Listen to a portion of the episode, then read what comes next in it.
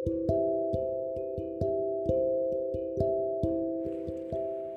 guys, gimana kabarnya? Pasti hal di rumah aja menyenangkan bukan? Bagi seorang anak yang memiliki keluarga harmonis.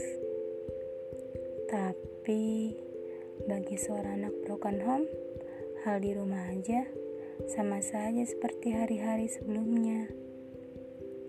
Iya, karena mereka nggak bisa ngerasain kumpul keluarga. Mereka hanya bisa menangis melihat iri keluarga lain.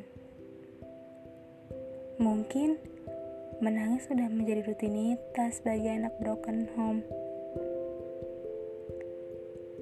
Menjadi seorang anak broken home bukanlah hal yang diinginkan. Terkadang mereka butuh dimengerti untuk dapat bangkit kembali. Namun, tak ada yang mengerti. Bagi seorang anak broken home, pasti memiliki rasa ingin tersenyum, tertawa. Namun, rasanya itu semua asing bagi mereka. Menangis dan bersedih itu yang sering mereka lakukan.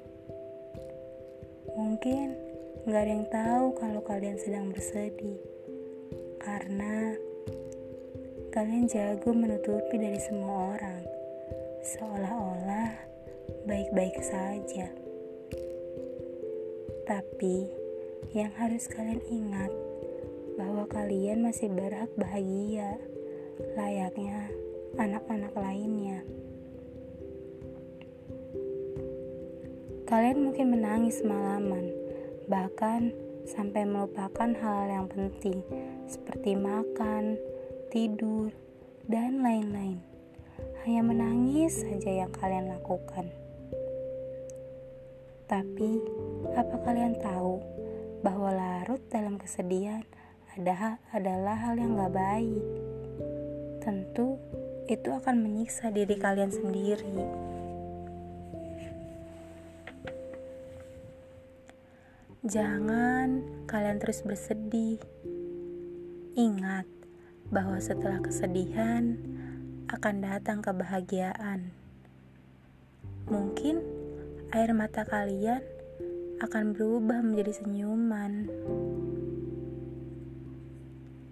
Jadi, buat kalian yang merasa hidupnya sudah hancur atau udah gak bisa seperti dulu, Buang pikiran itu semua. Kalian harus ingat bahwa anak broken home masih sama seperti anak lainnya. Meskipun kalian lahir dari keluarga yang berantakan, itu tidak boleh membuat kalian menyerah. Kalian perlu tahu, mungkin Allah sedang menyiapkan masa depan untuk kalian.